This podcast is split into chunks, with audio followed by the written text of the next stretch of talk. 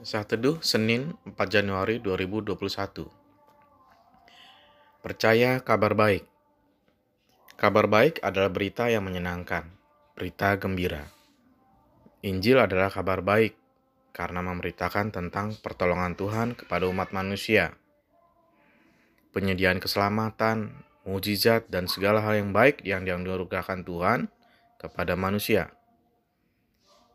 Namun, walaupun Injil adalah kabar baik, banyak juga orang yang tidak percaya dan tidak mau menerimanya.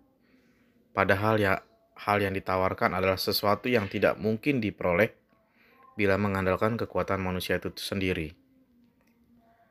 God's Kingdom Reign, Unlimited Harvest and Prosperity adalah bagian dari kabar baik. Mari bisa kita lihat dari Matius 16 ayat 18. Dan aku pun berkata kepadamu, engkau adalah Petrus, dan di atas batu karang ini aku akan mendirikan jemaatku dan alam maut tidak akan menguasainya. Mengenai penjelasan unlimited harvest and prosperity, kita dapat kembali mendengarkan khotbah penatua kita. Bisa dicek di link YouTube-nya. Siapa yang percaya Injil kebenaran akan menerima buahnya.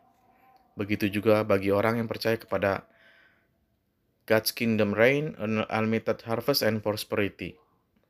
Mari kita arahkan sumber daya yang kita punya untuk penggenapan janji Tuhan. Pengabaian atau penolakan kabar baik akan membuat orang tersebut tidak menerima hasil dari kabar baik itu. Sekian, terima kasih.